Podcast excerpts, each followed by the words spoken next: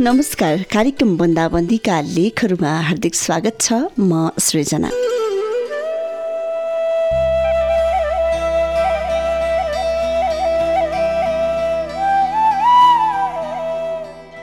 कल्पनासम्म पनि नगरेको हामीले आज कोभिड उन्नाइस र लकडाउनलाई नजिकैबाट निहाल्न पाएका छौँ।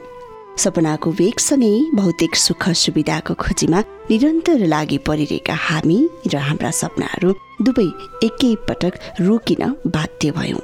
यो बाध्यात्मक परिस्थितिमा केही कुराहरू राम्रो भेट्टायौँ सकारात्मक देख्यौँ भने केही कुराहरूको नकारात्मक प्रभाव पनि परेको छ हाम्रो जीवनमा। तिनै सकारात्मक र नकारात्मक बाटोहरू नै वास्तवमा जिन्दगी हुन् क्यारे। केही त्यस्ता प्रश्नहरू अझै बाँकी छन्? जसका उत्तरहरू प्राप्त भएका छैनन्। आजको बन्दाबन्दीका लेखहरूमा त्यही अनुत्तरित प्रश्नहरूका विषयमा हामी कुराकानी गर्छौँ। रुबिना भण्डारीले लेख्नु भएको जीवनका अनुत्तरित प्रश्नहरू शीर्षकको लकडाउन डायरी हेर्ने कथाबाट साभार गरिएको आजको कार्यक्रम बन्दाबन्दीका लेखहरूमा।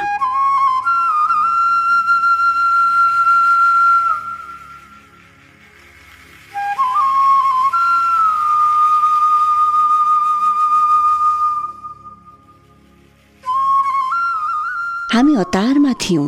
जीवनको गति र वेग दुवै बढ्दै थियो। विश्व हिजोलाई पछि छोड्दै भोलितर्फ एकदमासले अघि बढिरहेको थियो। तर हाम्रा सपनाले सजिएका अनगिन्ती पाइला पृथ्वीले अब अरू थिग्न सक्दिन भन्ने बोध गरेछ क्यार।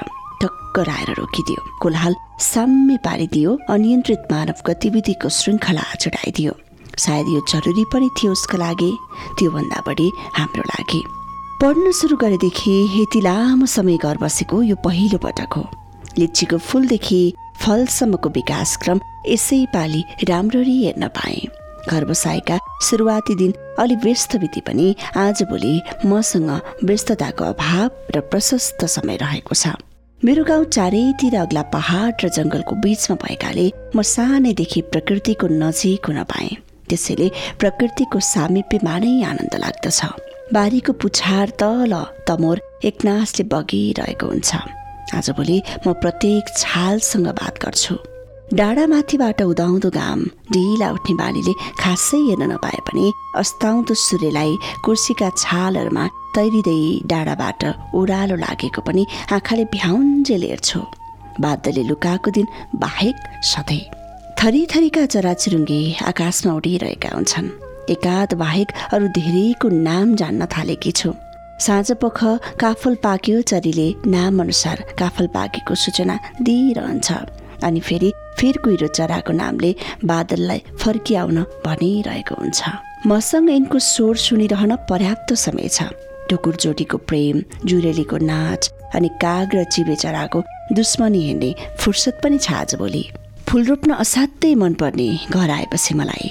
अरू बेला थोरै बिदा हुन्थ्यो। कहाँ कहाँबाट फुल खोजेर ल्याएर रोप्थे। मम्मीले पानी हाल्न बिर्सिनुहुन्थ्यो त्यसैले कति धेरै मर्थे। अहिले चाहिँ आफैले तिनको हेरचाह गरेर हुर्काउन पाउँदा बेग्लै आनन्द आएको छ। पौडी खेल्न जान्ने उडे मेरो उहिलेदेखिको सपना अछै सपनै रह्यो। कुनै पनि कुरा सिक्न साँच्चै गाह्रो हुँदो रहेछ।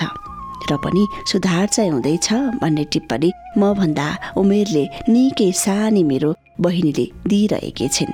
मेरो कोसिसले पनि हार मानिहालेको छैन। लकडाउन यति लामो हुन्छ भनेर थाहा नपाएकोमा पछुतो मान्ने म मात्रै त पक्कै होइन होला। परीक्षाको मुखमा आएर लकडाउन सुरु भएको हुनाले नोट र सिलेबसका किताबले मात्रै घर आउने झोलामा सिट पाए। साहित्यका किताब उपन्यास आदि पढ्न रुचाउनेलाई यो जस्तो राम्रो समय सायद कुनै होला। तर मसँग घरमा सानो बेलाका कथाका किताब भाषा नबुझिने धार्मिक पुस्तक र वर्षौँ अघिका अक्षर नै मेटिन आँटेका पत्रिका मात्रै छन्। तिनै भए पनि हेर्छु कहिलेकाहीँ। मेरो खाली गोजी समयले जो भरिएका छन्। नो दे सेल्फ भनिन्छ। हरेक मानिसले आफू को हो भनेर चिन्नुपर्छ अरे।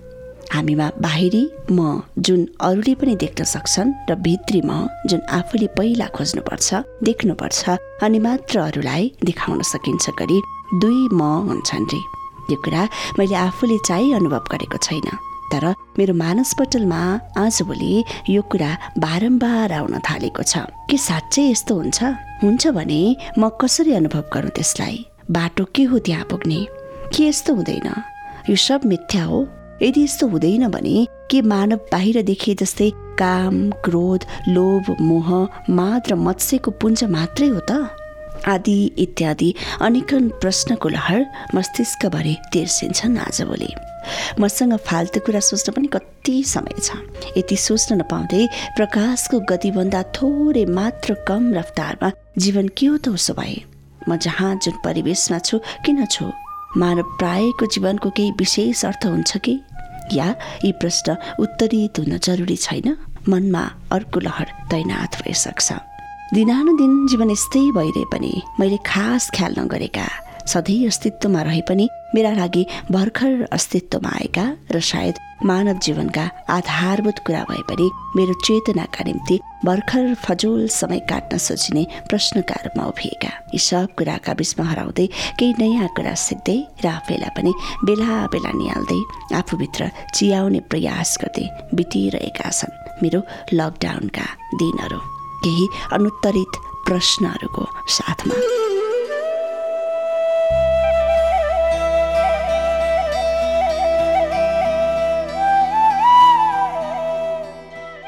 धनकुटाकी रुबिना भण्डारीले लेख्नु भएको जीवनका अनुत्तरित प्रश्नहरू शीर्षकको लकडाउन डायरी आजको कार्यक्रम बन्दाबन्दीका लेखहरूमा प्रसारण गरे श्रोता मित्र आजलाई पनि बन्दाबन्दीका लेखहरू यति नै। भोलि फेरि यही समयमा अर्को एउटा बन्दाबन्दीका लेख सहित उपस्थित हुने नै छु। यतिन्जेलसम्म सुनेर साथ दिनुहुने तपाईँ सम्पूर्ण श्रोताहरूलाई विशेष आभार र प्राविधिक मित्र प्रहलादलाई विशेष धन्यवाद भन्दै बिदा हुन्छु। नमस्कार